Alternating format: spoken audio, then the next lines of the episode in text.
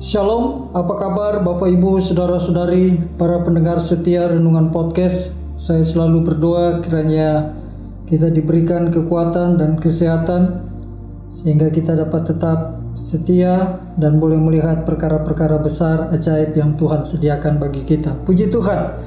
Firman Tuhan pada hari ini terambil dari Injil Matius 6 ayat 26. Pandanglah burung-burung di langit yang tidak menabur dan tidak menuai dan tidak mengumpulkan bekal dalam lumbung, namun diberi makan oleh Bapamu yang di surga. Bukankah kamu jauh melebihi burung-burung itu? Firman Tuhan pada hari ini dengan tema burung pipit.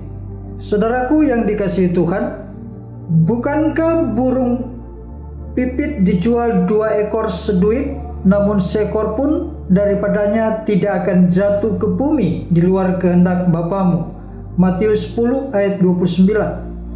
Yesus berbicara secara lebih spesifik dengan mengambil contoh burung pipit. Seekor burung kecil yang lemah dan sangat murah harganya, ini merupakan pesan yang sangat penting yang disampaikan dengan cara yang sangat sederhana dengan mengambil contoh yang mudah kita temukan dalam keseharian kita. Ke mana pun kita pergi, kita akan melihat atau setidaknya mendengar kicauan burung, terutama di pagi hari.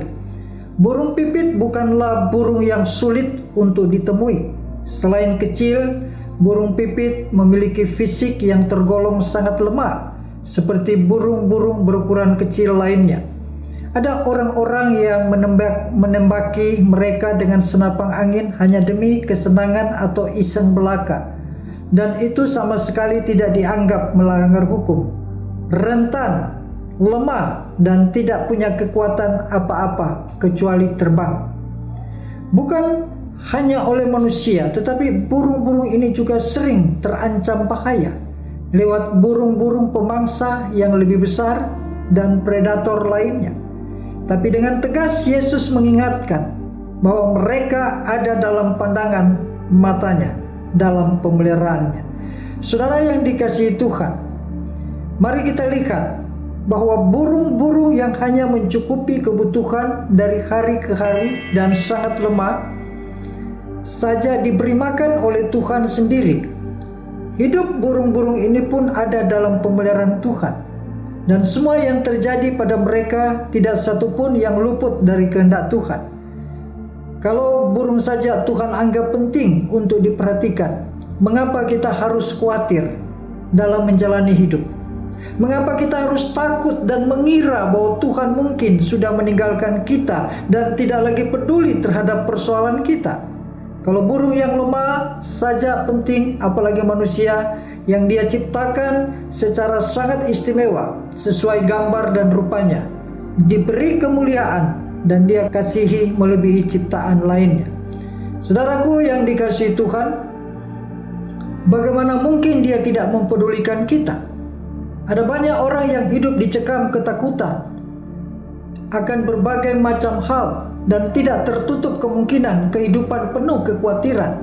Seperti itu pun dialami oleh orang-orang percaya yang seharusnya punya cukup iman untuk mengatasi rasa takut. Jika kita benar-benar membaca Alkitab sejak awal kitab Kejadian, seharusnya kita sudah bisa memahami betapa kita ini merupakan ciptaan yang sangat istimewa di mata Tuhan. Tetapi tidak jarang pula berbagai ketakutan dengan segera membuat kita lupa akan hal itu. Dan Yesus pun merasa perlu untuk kembali menegaskan bahwa kita sesungguhnya berharga di mata Bapa. Saudaraku yang dikasihi Tuhan, jauh lebih berharga dibandingkan burung pipit. Sebab itu janganlah kamu takut, karena kamu lebih berharga daripada burung pipit.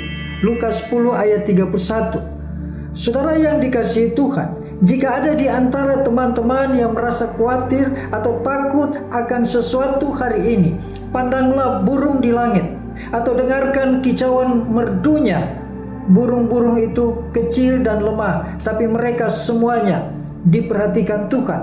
Dan ketika kita menyadari bahwa kita jauh lebih berharga dibandingkan burung-burung tersebut, kita pun seharusnya bisa yakin sepenuhnya terhadap penyertaan Tuhan atas diri kita. Jangan takut, karena mata Tuhan akan selalu mengawasi dan melindungi kita. Tuhan Yesus memberkati. Amin. Terima kasih saudara sudah bergabung bersama keluarga besar GSJ Yesus Kristus. Sampai jumpa, Tuhan memberkati.